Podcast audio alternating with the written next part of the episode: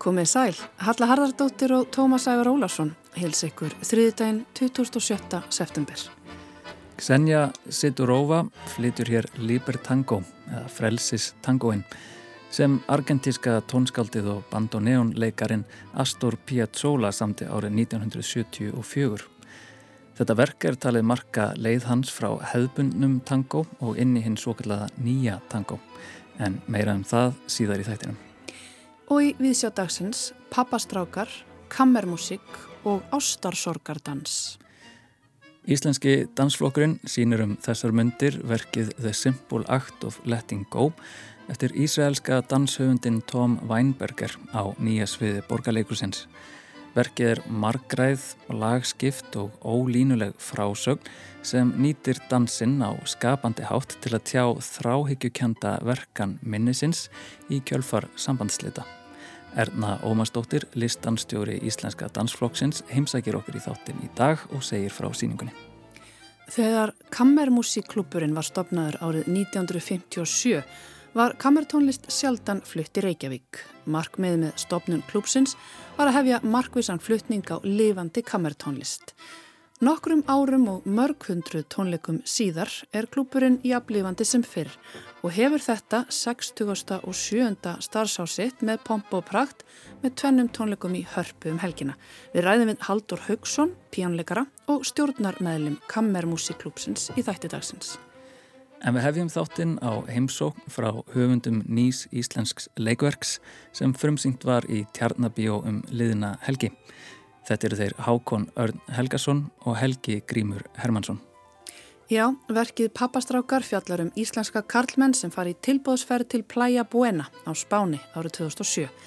Lífið var ljúft fyrir marga, þarna kortir í hrun, en allt fer í tóma vittlisu þegar fjölskyldufæðurinn Ólafur, sem er á ferðalagi til að tengjast unglingsinni sínum, rugglast á töskum við Hannes sem er að skrifa bók um föður sinn.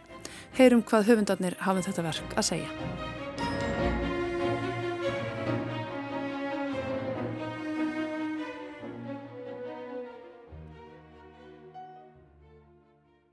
Hákon og Helgi, verið velkomnir í Vísjá. Takk fyrir. Takk fyrir. Sko, bara til að byrja með, að þið hefum aldrei hýst áður. Hver eru þið? Hver er ykkar bakgrunnur? Hvernig komist þið upp á svið? Já. Hvaða erinn degið þið upp á svið? ég veit ekki. Hérna, jú, ég heiti Hákon Örn Helgason og ég er úr Kópavóinum. Ég var í Snælanskóli Kópavói, útskæðast aðan 2012. Uh, mér skaman að tala um það. Ég fór á sviðsöndabraut í LHV og kláraði það 2021. Ég er búin að vera í Improv Ísland að sína spunna í þjóðluguskjallarunum. Uh, ég er líka búin að vera í uppistandi svona síðan Já, síðan ég útskjáðist að við mikið bara verið helst til í gríni, er í uppistandsóp sem heitir Vaffa.s og við höfum verið með síningar í Tjarnabíó, þannig já, ég svona ég var eiginlega dregin inn á sviði sko í gegnum þessi prógram sko. Að ég get nú ekki kannski sagt að ég var dregin inn, ég fór hann alveg sjálfviljur en ég er svona baksviðsmaður og hef alltaf litið á mig sem baksviðsmann og svo hef ég einhvern fyrir röð tilvíðan að endað inn á sviðinu. Um, og í gríni. og í gríni. Mm. Svona hættulega erstu staðurinn til að vera á skilur við upp á áhærenda viðbröðin skilur við Já, akkurat, ég held þetta að sé bara stór hættulega leita staðfestingu sko að vera í gríni. Stöðugt að leita staðfestingu. Stöðugt sko og maður fær hana mjög. Þetta er svona, ég er ekki mjög góður í svona delayed gratification hvað heitir það á íslensku? Já, hérna, nei, 100% Þegar maður raunir fær ekki uh, umbunina strax veist, þannig ég er á TikTok þar sem að ég fæ öll vídjóin um leið mm. og ég drekk eins mikið kaffa og ég vil og ég fer á grín nei, fer á svið og segi grín og fæ hláturinn strax og já, öllum líka vel með mig tilfinninguna þannig að já, það er, það er ég sko. Þú vilt uppskera um leið. Já, já, ég er svona það er allavega einn löstur í mínu fari. Er ekki fínt bara, það er varlega hægt að segja, kalla þetta löst held ég. Og gangast bara við því. Og gangast bara við því, já, þetta er eitthvað svona í mér sko. Já. En þú Helgi Grímur, hver var þín leið upp á sviðið? Já, um, það er náttúrulega algjör klísja að segja að maður hafi verið alltaf eitthvað að leika sem bad sko og ég ætla alls ekki að fara þangað. En ég man alltaf eftir mér í sko Sjötabekk þar sem ég var í alþjóðlegum skóla að leika einhverja róttu á sviði og hérna ég man að einhver mótleikar minn glemdi línunni og ég, mér finnst það svo ótrúlega lifandi augnablik sko. Að ég þurfti að spinna einhverja eina línu um að þurftum að fara aftur í reyðrið okkar eða eitthvað skilur og það var bara eh, ég er svona, þú veist, það er svona kjarnaminning upp á svona eitthvað rúss sem kom sko. Vá, ég hef ekki eftir þetta. hérna, já, Var fyrsta hlutverkið þetta rotta? ég man ekki hvað, það var eitthvað hagadýr skilur hérna, uh, já, ég var að leika þá og svo, einmitt, þú veist, í grunnskóla ég flyttat þá var ég í ég svolítið í skrekk og var ég svona, hérna, svona grín rap tviki sem að endist í alveg heilt hálft ár. Og já, var- sótti mér mikið í svið en einmitt kannski svolítið eins og þú meira aðeins, aðeins mér baka, baka tjöldin sko, Já, já, í já, við erum það báðir Já, sko. eða með grunninn báðir sko, meira svona en það er líka því að við erum báðir með miljón skoðinu eða hvernig hlutinir eiga að vera, skilur Já, einmitt. Tölum aðeins hérna um pappastráka. Já, já, já, Hérna, uh, segjum við svona örstutt frá innihaldi verksins. já sem sagt, það er þessir hérna, við erum stödd á Playa Buena sem er ímyndu Sólströnd og árið 2007 Já, og um, Ólafur, uh, kartan sem Hákon leikur er, er fjölskyldu faðir, svona útkverfa Axel pappi, ef ekki bara kalla hann það.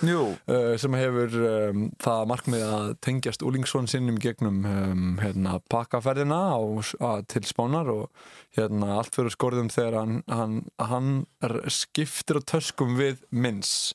Og Minns heitir Hannes Hansson og er ekki pappi heldur meira, hann er að reyna að sko, hann er að skrifa æfisögu föður síns sem var stórmenni og var, kom oft á, á Buena í einhverjum eirandagjörðum sko. Uh, og já, þeir Já.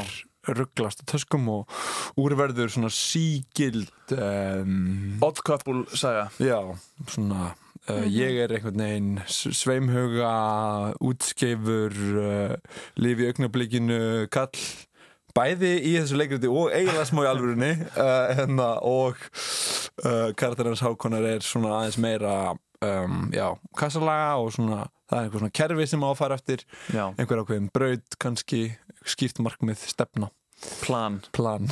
Þið eru að skoða þá feðgna sambönd. já, Af hverju langaði ykkur til að gera það?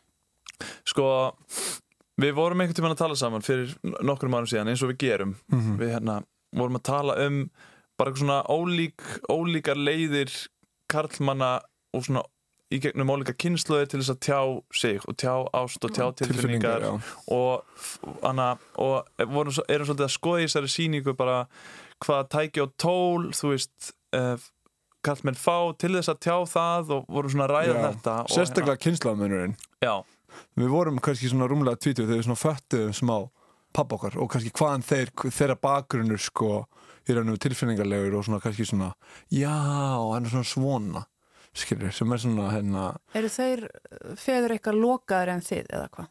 ég myndi segja já, í hverju fælst þessi kynnslóðamunur? það kannski er uh, 100% minni einmitt svona áhersla lögð á einhvers konar tilfinningatjónugu en það er ekkert endilega kynnslóða munur en það er líka fyllt af gaurum í dag sem eru bara skrambi lokaðir og hérna uh, en já, það er kannski líka bara eins og við vorum að tala um það svona orð eins og til dæmis kvíði ég man ekki eftir því fyrir en ég var á fjóðar í mentaskóla sko. Það veit að gerast það svo hratt síðustu tíu árin sko. um, svona tilfinningarleg um, hvað segir maður, bara svona skilgreining sem að því við þurfum árið til að læra hvernig okkur líður og ég get nú einmyndið mér að vera aðeins færi orð og færi möguleikar og líka bara, bara, bara hvernig á ég að segja þetta, bara minni augnablík þar sem að það, það, einhverjum svona kannski já, erfiðum tilfinningum eða særendum eða eitthvað var, var gefin gaumur, bara í grunn bara, það bara svigrum hérna að vera að þetta já, skilurðu. algjörlega og ég meina það er ekkert íkja langt síðan að fólk bara týndi ekki að tengja spörnunum sínum af því að það var ekki viss hvort það myndi lifa að veturinn af sko. það er þérna á Íslandi og þú veist, Já. það er ekkert það margar kynslaður aftur þar sem að það var bara raunin og svo eru við hérna Einmitt, vá, það er, það er basically langa, langa afar okkar og langamur sem Já. voru í því, ætli ég að giska Já, öruglega sko. Og við ölumst upp í einhverju svona opnara samfélagi þar sem að við vitum hvað orðið kvíði er áður en að við verðum tvítugir sem að hérna er öruglega bara fyrsta kynnslóðin sem að, sem að fær það og hérna Ekki fyrsta kynnslóðan til að upplefa kvíða heldur svona eiga bara orðið við það. eiga orðið við það og hérna já, og það er svona, bara svona meðvitund um að það sé kannski eitthvað bæði jákvæmt og skadalegt afl, sko. Já, já. Þannig að, þannig að við, okkur langaði svolítið að rannsaka þessar pælingar en svo erum við mitt grínhausar. Þannig að við vorum eitthvað ákvaðum að hafa þetta gamansýningu Já, og vil, að því að við vildum bara að það væri gaman að hérna, gaman að koma og það sem við Anna viljum gera líka er bara það er svo stutt á milli sko harms og gríns og, og Við erum báðir rosalega fylgjendur dramedíunar sko. Já, já, veist, til þess að búa til harm þá þarf það að hjúpa hann í rosalega góðu svona bleiku skí af gríni sko. Já, og það er, þú veist, hápunkti verksins er rosalega dramatískur, myndi ég segja já, og okkur finnst alveg stundum erfitt að leika. Það. ekki bara því við erum ekki mentið að leika leikara heldur líka. Ekki bara að því við fáum ekki hlátur. Þannig að, já um, leikandi gerist árið 2007 Já, mér langaði myndi að spyrja, en það- þessi punktur sem þú kemur hérna með, eh, Helgi, uh, þið er ekki mentaði leikarar, nei, en þið stýðir samt upp á svið og svona afhjúpuð ykkur, uh, af hverju að skrifa, leikstýra og leika og gera allt sjálfur? þetta er aðalega budgetmál sko. Já Anna- einhver, einhver svona sjálfskaði sko líka. En við, það, það var ekkert alltaf pælingin að við erðum í þessu sjálfur og hérna á tímabúndi þá leitt það þannig út að við myndum fá bara menn á þessum aldri sem að persónar eru til þess að leika þá karaktera sko, við Já. erum að leika upp fyrir aldur og hérna og þetta er smá sko, pappastrákar er skemmtilegt orða og, og það sem við höfum not, orðið sem við höfum notað við sviðsninguna er pappó, sem er svona eins og að vera í mömmó nema pappó. Já, og þú veist þannig að við erum að ímynda okkur í rauninni leikrandi gerist, þetta kemur ekkert fram í síningunni þetta er bara svona sviðsendingar hérna, leið sem við erum með, sem er bara leikrandi gerist í huga lítilla drengja sem eru að leika pappa sína skilur þannig að þú veist, leikmyndin er smá svona eins og svona bílateppi, svona bílaborg og þeir eru, þú veist, við vorum alltaf að tala um minns og þins við vorum að skera senunar og, og það er svolítið svona mjög næf sviðsending. Já Já, hún er það. Og líka leikurinn, eða sagt, um, leikurinn okkar er kannski ekki næf, eða hvað? Nei, ég held við sem bara að leika þetta mjög alvarlega. Uh, það sem að hjálpaði líka rosa mikið síðustu dagana, þá getum við einbytt okkur, þetta voru nokkur, þetta voru nokkur kablar. Þannig að við byrjum á að skrifa og það tók alveg hálft ár, eða hvað, fjóra, fimm mánuði. Og svo vorum við eiginlega að skrifa alveg fram á frumsýningu, en þú veist, það voru svona, helstu vörðuna voru komna kannski, uh, og segja tveimugum fyrir frumsýningu voru helstu vörðuna komnar. Já, já. Svona að mestu leiti. klálega Uh, þá fórum við að leggja meira áherslu á að leika og læra textan þannig að og, þú veist, þá erum við búin að vera sérstaklega í, í samstarfi við Sölku Gullbrá sem er dramaturg plus í raun og veru, hún gerði miklu meir en það sem að hefðbundið dramaturg á að gera í leikursi þú veist, við erum búin að smíða einhverja svona sín og hún er 100% með og er bara búin að fjárfesta fullt af sínum pælingum í verkinu. Við förum að leika og hún svona setur á sig leikstjóra hattinn í lokin þráttur að hún sé kannski ekki uh, með alla ábyrð á verkinu heldur er það ennþá okkar. Þannig að við fengum rosalega mikið af góð fólki inn sem hjálpa okkur mjög mikið að um, já, það þú veist bara, það, já, þetta er bara þeirra síning já, líka þetta er bara súpa með mjög mikið af mismundur höfnum sko. Ok, en hérna tölum þá kannski örstuðt líka um þetta samengi sem þið ákveða að setja þessa feðga og, og þessa menn í þessi, þessi veröld tilbóðsferðana. já, Mhm. Hvað Já. svona heitlaði við það? Sko þetta er náttúrulega bara stittuleiðin í einhverja þjóðasál og það er líka bara klassist í öllum frásögnum, þú veist, þegar eitthvað gerist þá er það í ákveðinni sko fjarlæð frá hérna heima heimahögunum, þú veist, þetta er hérna þetta er ævintir í skóginum, sko 100%. þetta er bara hérna, við erum á, á spáni og, og svo er þetta líka bara svo skemmtilegur það er svo sk skemmtileg fagufræði og bara svona útlitið og orkan þannig er svo skemmtileg.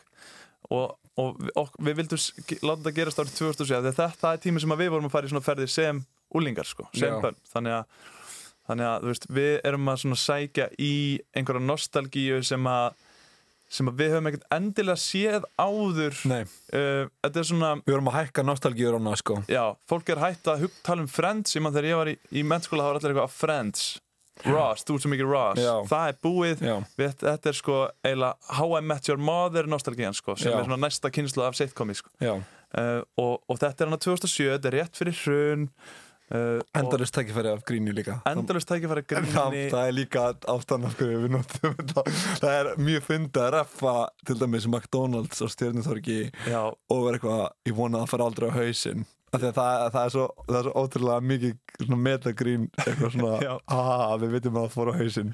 Já, og svo þú veist, það er eitt aðrið sem að við erum að koma ykkur fyrir á ströndinni þá dregi ég upp svona risastort glitnis handklæði sem Já. að færa alltaf hlátur Já, og hérna, einmitt. þú veist, það er bara svona það er bara ótrúlega gaman þú veist, af því að þegar maður er að búa til hérna leiksýningu þá verður maður alltaf ákveð einhver svona lögmál Þú veist, hvað, í, svona, hvaða heimur er þetta um, maður, maður, þetta þarf alltaf að vera einhvers konar um, sko, tíma eða um, já, það þarf að vera einhver svona ákveðin lögmál innan Já. heimsins sem við verðum að búa til ferðin klárast á endanum Já, Já. þú veist 2007 var rosa góð góð leið til að búa til einhvern ramma í kringum bara heiminn sko Mhm. svona, þú veist, einhvern svona leikil að sýningunni bara hvað er áhörður að fara að sjá það fyrsta sem við heyrum er árið 2007 og lífið er ljúft sem svona setur rosa skýran tón um hvert við erum að fara og hvar við erum uh, Já, Já, bara, þú veist, Linkin Park er vinsalasta hljómsveitin og, og, og þetta er bara smá fyndið, sko. Mhm. Uh, Þetta er kannski ekki alveg tíminn þar sem allir voru kannski að krifja svona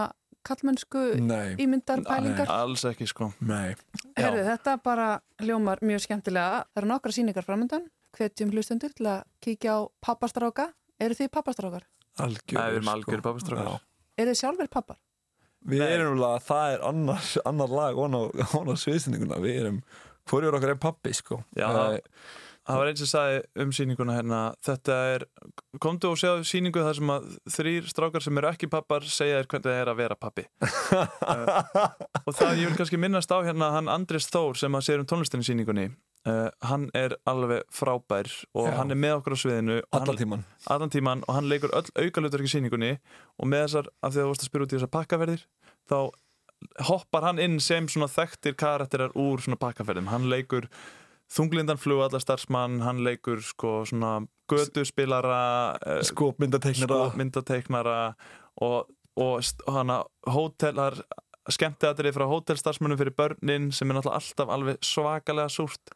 Þannig að það var alveg líkilatriði að hafa hann með til þess að vísa í þessar pakkaferðir sem að eiga svo ríkan stað í, í hjarta Íslandinga Mm Sannarlega. Hákon Örn Helgason og Helgi Grímur Hermansson, takk innlega fyrir að koma í viðsjá og til hamingjum með pappastráka. Takk fyrir að fá Takk fyrir að fá okkur Halla rætti við þá Hákon Örn Helgason og Helga Grím Hermansson um leikverkið Pappastrákar sem sínt er um þessar myndir í Tjarnabíói. Þegar Kammermusikklúpurinn var stopnaður árið 1957 var kammertónlist sjaldan flutt í Reykjavík. Markmið með stopnun klúpsins var að hefja markvissan flutning á lifandi kammertónlist. Nokkurum árum og mörg hundru tónleikum síðar er klúpurinn lifandi sem fyrr og hann hefur þetta 67. starfsásitt með pomp og prakt með tvennum tónleikum í hörpum helgina. Þar munur hljóma verka eftir Astor Piazzolla, Smetana og Brahms.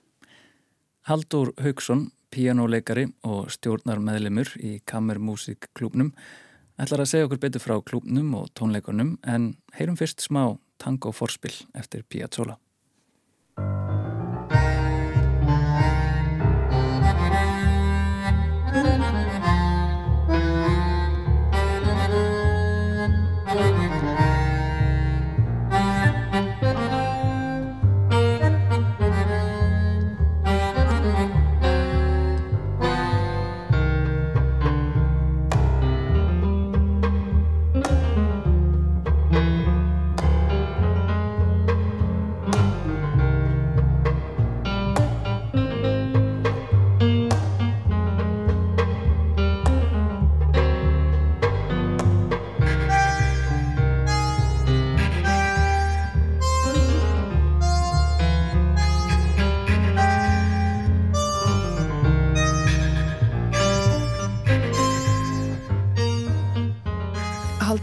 Haugsson, vertu velkomin í Víðsjá Takk fyrir það.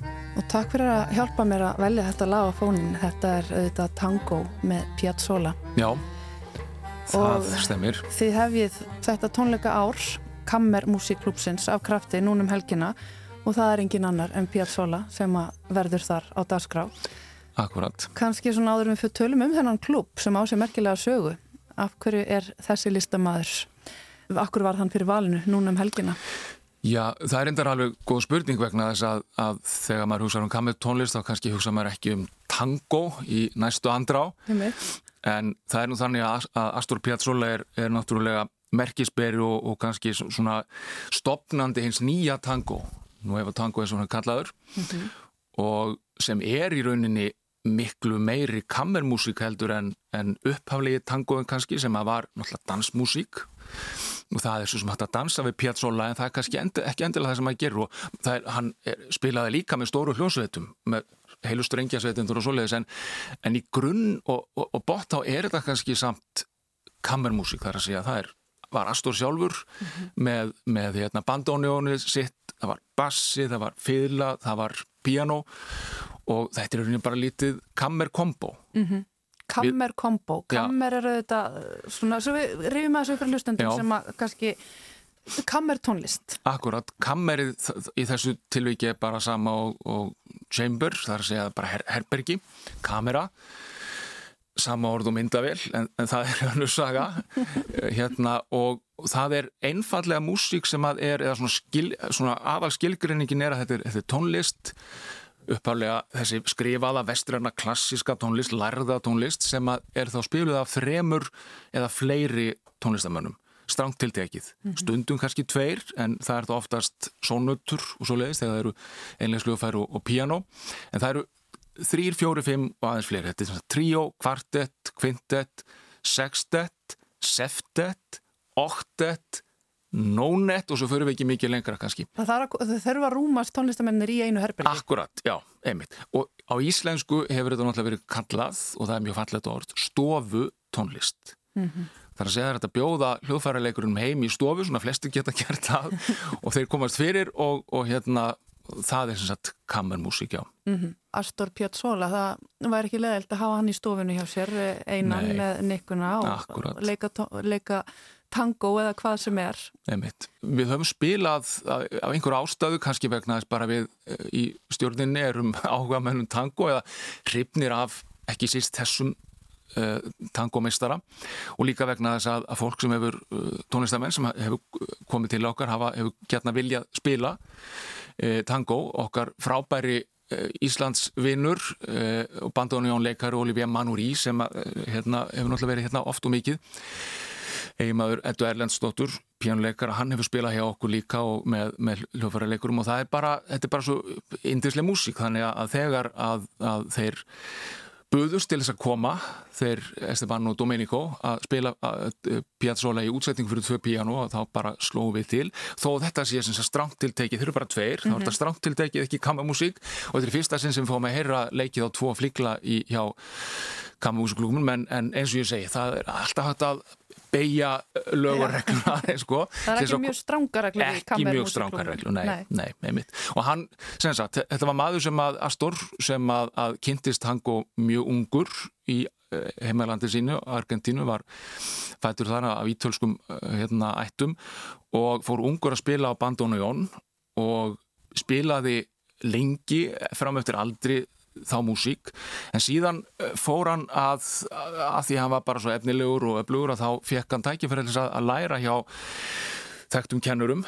Alberto Huynastera, fremsta eh, tónskóldi Argentínumanna á, á fyrirluta síðustu aldar, hann lærði hjá honum og svo fekk hann styrkleis að fara til, til eh, eða hafði efna á því að fara til hérna Parísar, að læra hjá Nadia Boulanger sem var svona bara aðal tónsmiðakennari fyrirlutu síðustu aldar eiginlega bara í heiminum og afskaplega marga fræga e, Læri Sveina og megar og hún, e, sko hann var á því bara að fara af tangobrautinu og gera bara nýja músík bara e, þá músík sem var í gangi á þeim tíma.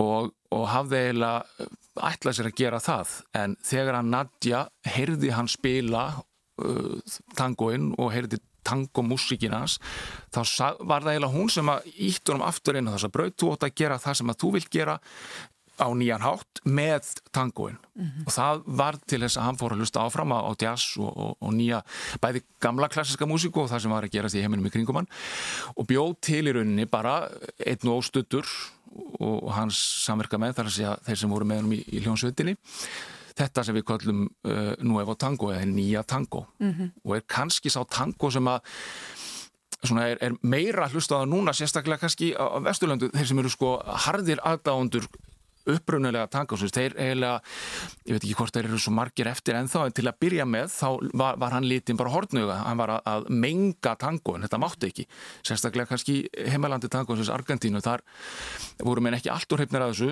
svona til að byrja með en ég held að allir sín úr að gera þessi grein fyrir því að hann er unni bara þetta var bara vítaminsbrauta fyrir tangomúsikin eins og hún leggur sig sko, það sem mm -hmm. hann mhm. gerði. Ekki svo vist að við myndum þekkja njá vel í dag og ekki væri fyrir hann? Nei, það er alveg rétt, mm -hmm. það er alveg hár rétt sko. Og þeir félagar sem ætla að flytja þessa músik í hörpu um helgina, þeir eru, hafa verið að ferðast um heiminn og flytja þessar umritanir?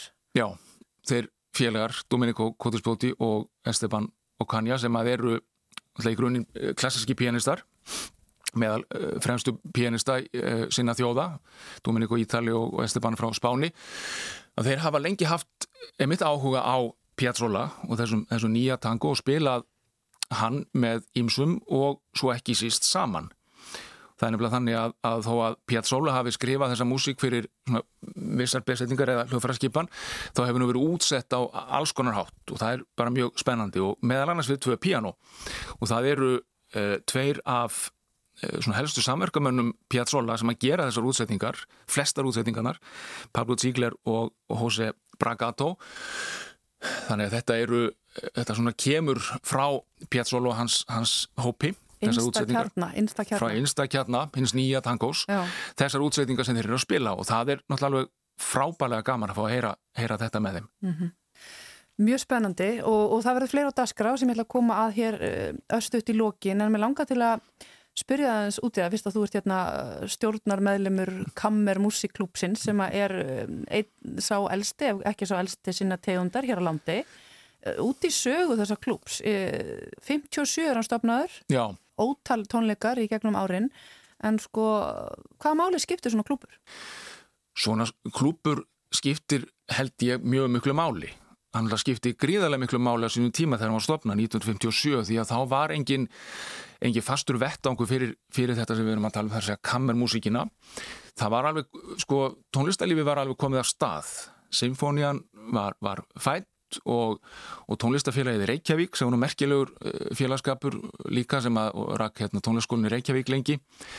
Og, og helt tónleika það voru aðalega oftast einlegstónleikar þar að segja hann okkur einlegs pianotónleikar eða, eða fyrirleikar eða seljuleikar með piano en kammermúsikinn 3, 4 og 5 og, og þessar mm -hmm. litlu grúpur að, að það hljómað ekki reglulega á Íslandi þannig að það var mjög mikilvægt á sínu tíma þegar að, að þessir, þessir áhuga mennum þessa músík tóku sér saman og, og stopnuðu klúpin en ég held að það sama eigi við núna af því að þó að, að tónleistarlíf sé náttúrulega ótrúlega ríktir unn á Íslandi þá, þá er það þannig að það er meirin að segja að að halda út til svona kameratónlistarhópi þar að segja hvort sem það er pianotríó þar að segja piano, pianisti, fyrirleikari og, og seljuleikari eða strengja kvartit sem er kannski svona uh, grunneiningin í kamermúsikinni að, að, að þá er mjög mikilvægt fyrir, fyrir hljóðfærarleikari sem allar sér að, að hérna, ná svona þessu samspili þessu að anda í rauninni bara saman. Uh, þá þurfa menn að geta að spila lengi saman og hafa halda reglulega tónleika mm. og það er það sem við reynum að bjóða upp á að, að þessir hópar sem eru enþá ekkit mjög margir starfandi á Íslandi eh, sem hafa verið einhver tíma í þessu eða ætlað sér að halda út til starfi að bjóða þeim reglulega plás í okkar tónleika röð mm. er, þannig að þetta er enþá mjög mikilvægt myndi ég mhm. segja og svo er umtala líka þetta fyrir, fyrir okkar félaga, þar að segja klúpfélagana að geta gengið að því að það sé alltaf röð tónleika með bæði því fremsta sem hefur verið gert í, í þessari klassísku kamermúsík gegnum árin á 19. og 20. öll sérstaklega og 18. frá hættin og áfram og svo ný músík, nýja músík sem að, að hérna er, er líka flutt hjá okkur að geta gengið að því að það sé alltaf tónleikar af þessu tægi svona mánæðilega sirka yfir veturinn í Reykjavík mm -hmm. Einmitt og félagsmenn, eru þeir svona á jafn virðulegum aldri og, og klúpurum sjálfur? Eh, hvernig gengur að fá svona nýja félagsmenn? Sko það gengur svona kannski eh, upp og ofan og meðal aldur eh, hérna félaga hefur hækkað cirka um eitt ára ári svona síðust árin og þeim fækkar frekar en eh, fjölgar og, og við erum ofsalega glöð með bara hvern og einn nýjan félaga ég held að, að menn ættu að eh, svona tónlistar áhuga menn ættu að íhuga þann möguleika, kíkja á tónleika hjá okkur, það er hægt að kaupa miða á staka tónleika og, og auðvitað alltaf fínt að gera það. Við hérna, bjóðum alla velkomna á stakatónleika en það er, það er eitthvað við það að hafa svona einhverja eitthvað framundan alltaf vita af því að eftir mánu, eftir tvo mánuði að þá ámaður eh, völ á því að og er búin að kaupa í rauninni aðgang að frábærum tónleikum í norðurljósum hörpu þar sem aðstæðan er eins og, hún, eins og bestur rákósi hérna á Íslandi.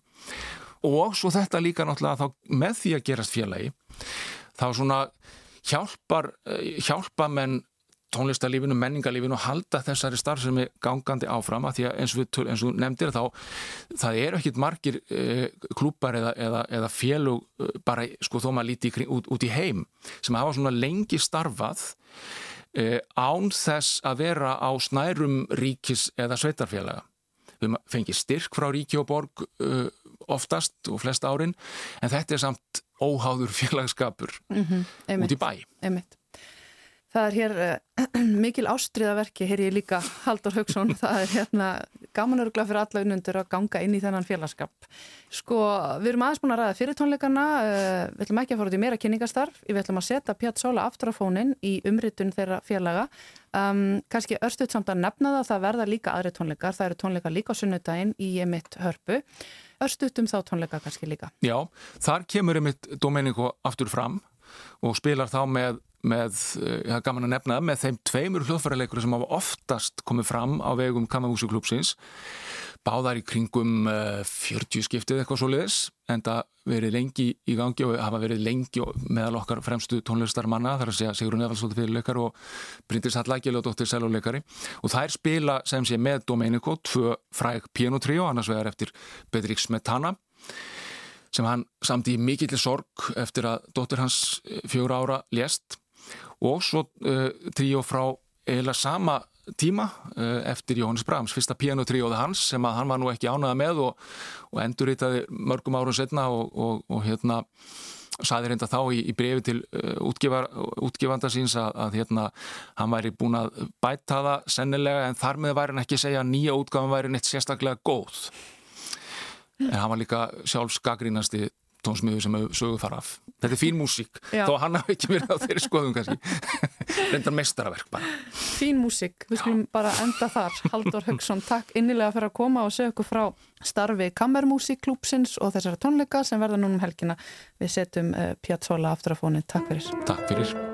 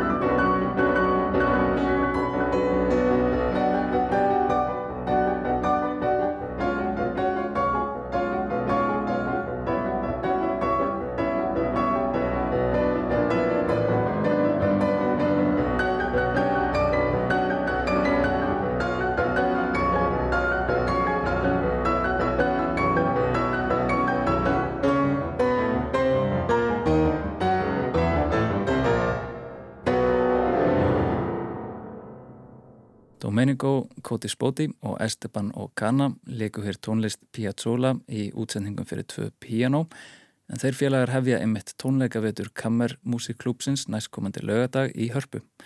Síðari tónleikar klúpsins verða næstkomandi sunnudag í Hörpu þar sem Cody Spoti mun spila þeim Sigrúnu Eðvaldsdóttur og Bryndísi Höllu Gilvadóttur verk eftir Smetana og Brahms. En þá færum við okkur yfir í annað listform, dansinn.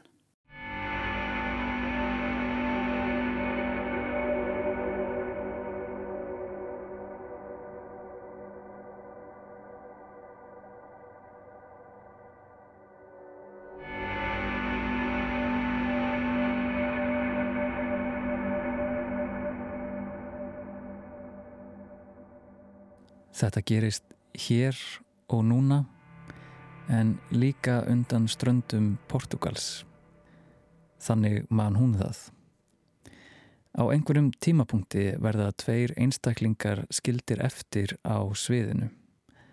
Hvað sem því líður er þeir ekki bara þeir sjálfur, þeir eru gjörsamlega allir. Fylgjandi kvatvísi förum við í gegnum ólínulegt ferðalag sem samanstendur af sjálfsæfisögulegum sannendum á samt skálduðum. Við höldum í klesjurnar okkar, allar samtímis, svo vandræðarlega mjúkar. Látum drama flæða yfir rýmið á meðan við vitum að þetta eru ekkert annað en tilfinningar.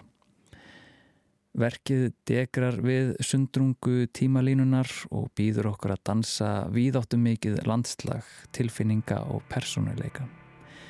Hlið við hlið, á meðan tímin líður, hlustum við. Og svo kemur kerðin.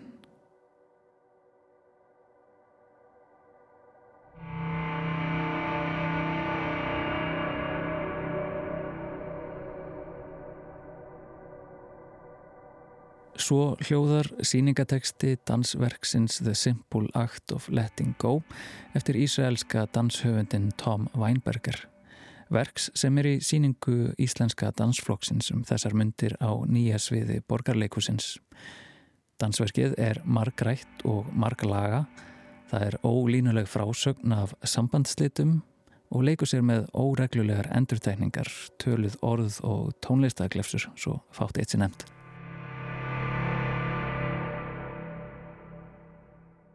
Ég mælti mér mót við listanstjóra Íslenska dansflokksins til að fá insýn inn í verkið.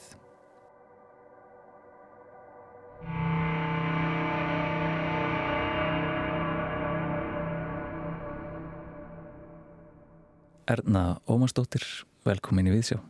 Takk. Og mér langar að byrja að spyrja þig út í danshöfundverksins, hann Tom Weinberger. Getur þú kannski sagt okkar aðeins hver hann er og hvernig samstarf ykkar hjá Íslenska dansfloknum með honum hefst? Já, hérna hann er dansari og dansundur kemur frá Ísrael er úr þessum svona gaga skóla svo kallum hérna og var að dansa með Batsheva og búin að vera svolítið að starfa sem dansari hjá svona svolítið stórum hérna nöfnum í, í þessum bransa og hefur svo verið svolítið e, á Norðurlandunum líka e, sem dansari bara svona búin að færa sig hérna nær Evrópu og, og, og er, svona, er svona bara svolítið að byrja að prófa sig áfram sem dansöfundur þegar við hérna kynntumst. Og það var bara þannig rétt fyrir COVID Ég, ég var fenginn til að dansa í tískusýningu, þetta var sérst á Parísavikunni í hérna tískuvikun í París. Og einn gammal félagi minn Damian Jalei hérna plataði mig til að koma og, og sérst, reyn, þetta var svona tískusýning sem var blönduð saman við við Contemporary Dance og ég sérst, var að dansa hlutverk Macbeth sem var svona útgangspunkturinn hérna, undercover heitir hann tískuhenniðurinn mm. og ég var hérna Nordnin eða einu hérna að Nord, Nordnunum og hann var að dansa Macbeth.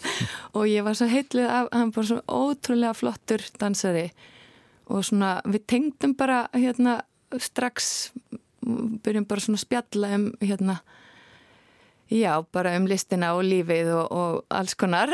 Og, og, og voru svona líka með svona útgeislun og svona uh, bæði alveg frábær dansari og svona maður fann alveg að hann var uh, vanur að, að leiða. Ég, ég hef ekki til dæmis verið að sjálfa dansa svolítið lengi og ég þurfti alveg svolítið svona aðst við bara hérna já bara vinstri hægri og þannig að hann var svona mjög góður uh, hvað sem að bara maður fann bara rosa svona reynslu og við byrjum bara ég spurðum hvort hann væri til að koma og vera með Eh, en við byrjum oft tannig með hérna nýjum dansefundum að e, tökum e, eina til tvær ykkur workshop og svo næsta síningatímabil verður það að breytist það í síningu, já.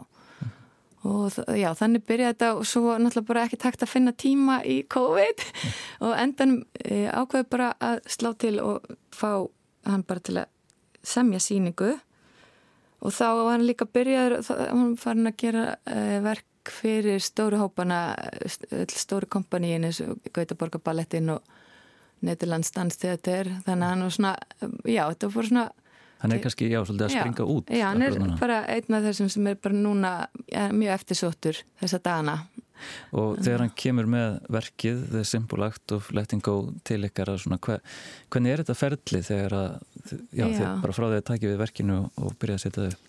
Já, hún kom í tvær vikur og svo kom hann aftur í fjóra vikur og, og hérna þannig að það var svona tími til að kynna stansunum fyrst og svona skilja samhengið hérna hjá okkur á Íslandi og, og uh, svo bara er það svolítið svona, já, það er bara í rauninni mátti gera það sem hann vildi mm. og hann var strax með hérna langaði að gera eitthvað með spurði hvort að dansarnir væri vanir að nota orð eða tala, nota mikrofóna og svona og við hefum alveg verið að gera eitthvað af því en, en á allt annan hátt en, en hann hérna svo endar á því að gera en, en já, hann að þú veist, hann var bara svona, vissi hann hann langaði að nota dansreifingarnar og og orðin og setningar og hérna e, og já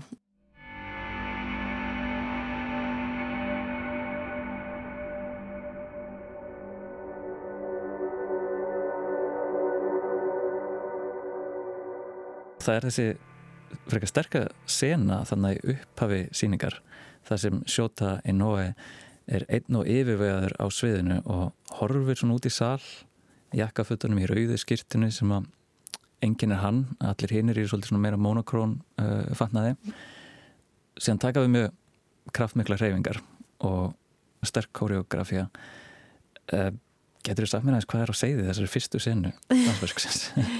Já, hann er svolítið að tala um bara tíman og veist, hvernig hlutir tengjast í tímalínan fyrir einhvern veginn í í ringi og, og hérna út og sögur og upp og niður og í allar áttir og hérna en þetta er samt alltaf einhver ringur og þannig að þetta er í rauninu bara svona já, ég held að þetta er nefnilega galdurum við dansin að það er svolítið svona fólk þarf svolítið að fá að upplifa hlutina á sinn hátt og það er margar tólkanir og þetta er svona marg laga og það er svona allt verkið svolítið þetta er eh, heilin að berjast við hérna, tilfinningar og hérna, líkami og orð og þetta marglaga bara eins og lífið er. Þetta er, þetta er ekki í einni lín.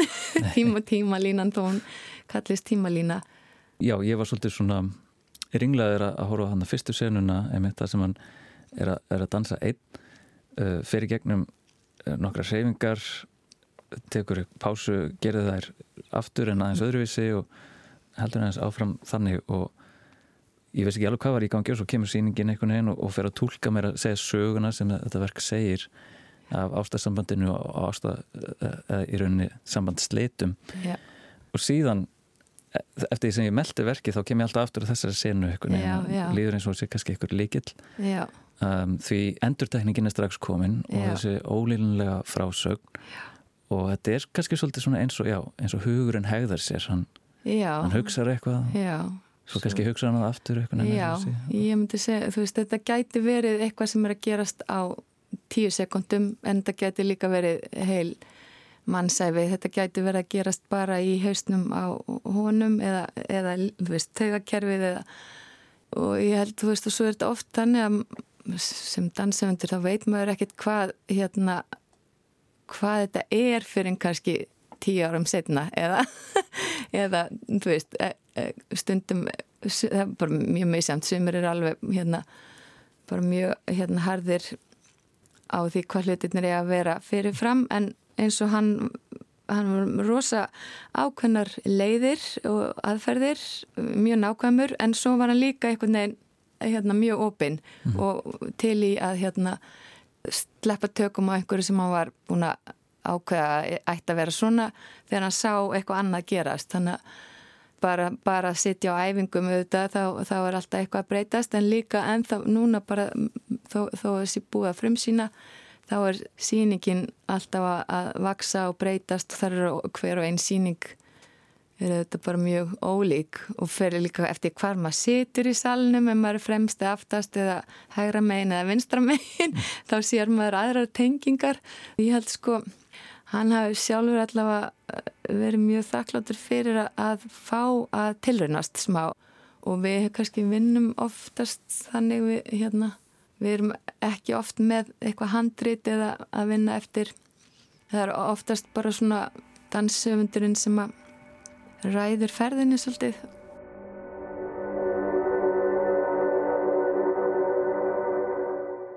En ef við leiðum umræðana aðeins aftur inn í verkið um, þá langar mig aðeins að spyrja það út í orðin.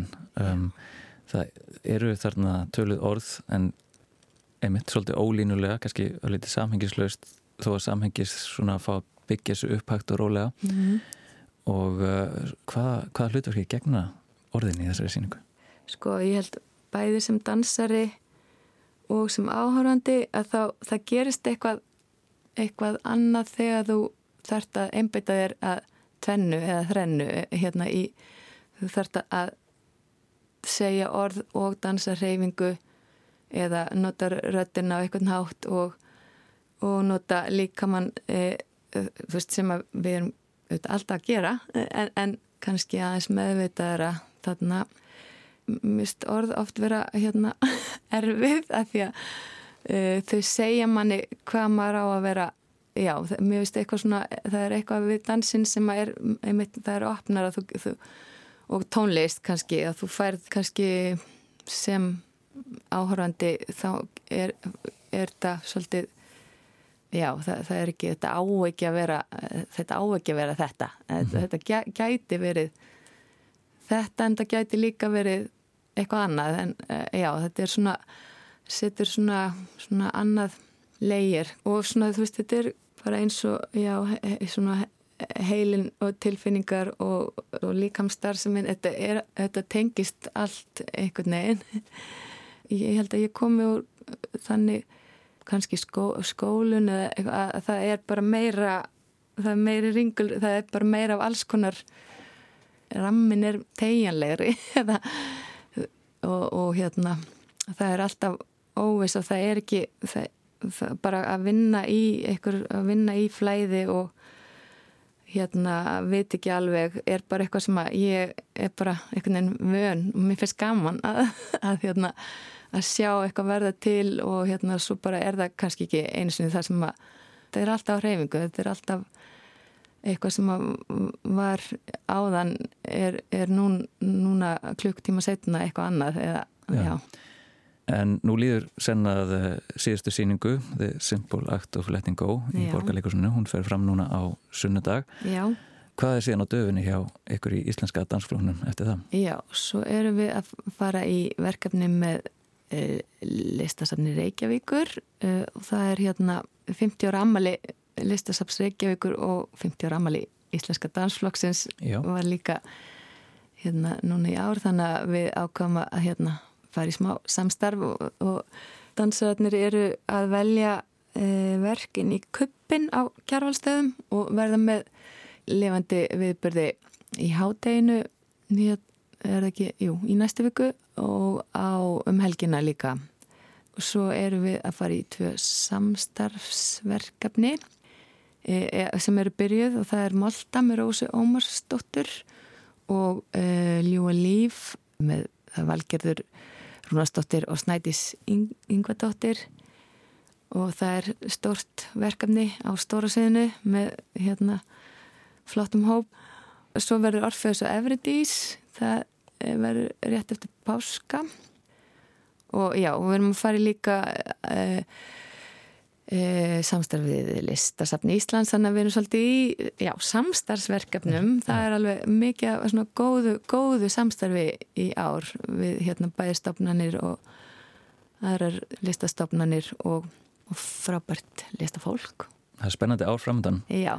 Og það verður gaman að fá að fylgjast með ykkur.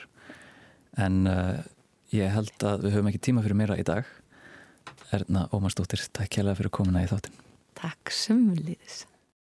Og hér á þessu samtali Tómasar og Ernu ljúkum við þætti dagsins eða svona næstum því við ætlum að ljúka á lægi. Roberto Carlos tekur nú við með læginu Sýningunni er þegar lokið og sjó hjá